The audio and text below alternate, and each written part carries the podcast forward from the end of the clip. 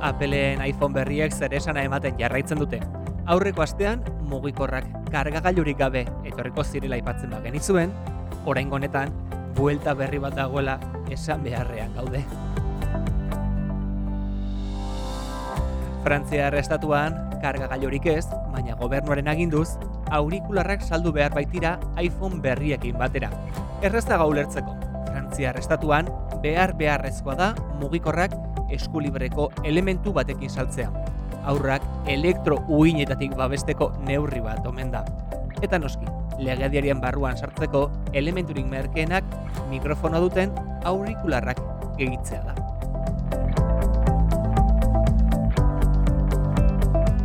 Beraz, iPhone amai berria Espainiar estatuan erosten baduzu, mugikorra bakarrik erosiko duzu, kargagailurik ez, eta justu-justu kaxa elegante batekin. Frantzian erosi ezkero aldiz, kargagailurik ez da, baina aurikularrak etorreko zaizkizu bertan. Apple etxearen aurikular elegante batzuk. Eta mugaren bi aldeetan prezio berean, norberak erabaki beharko du beraz, non erosi. Edo ez erosi. Xabi unaro naiz, ongi etorri guztioi Xabilduako podcastera. Ongi etorri, teknologia albisteen astekarira. Xabildua podcast.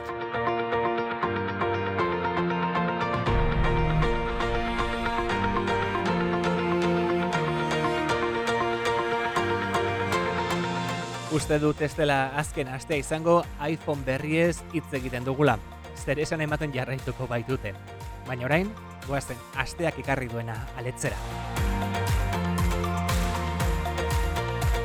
Eta lehen geldialdia, Googleen laguntzaile virtualean egingo dugu. Ok, Google.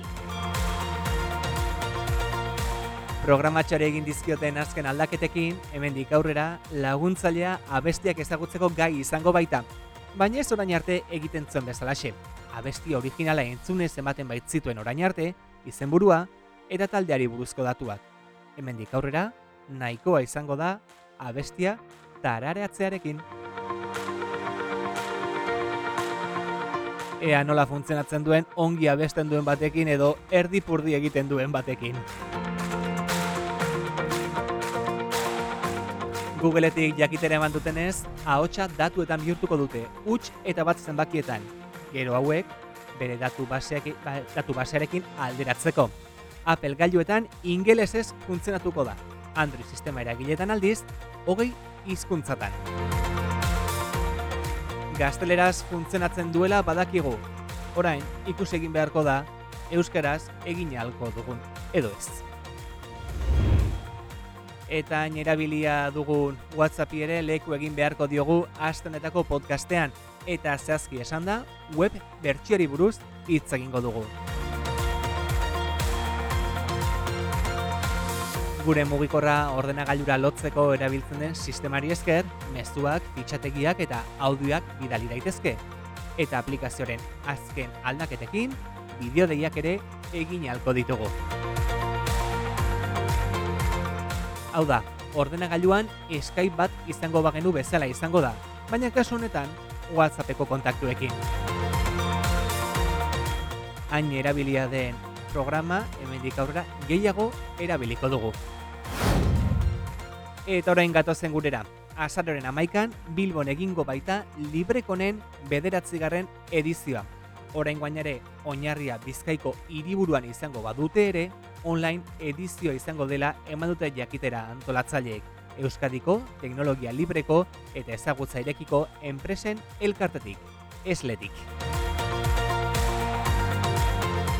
Aurtengoan ezinbestean telelanari eta tele ikaskuntzari eskainiko diote jardunaldiaren zati handi bat, bai eta industria 4.0 eta buru jabetza teknologikoari buruz ere. Transformazio digitala hiri adimentsuak gai interesgarri asko jorratuko dituzte azaroren amaikan. Beraz, izena ematea onena librekon.io atarian.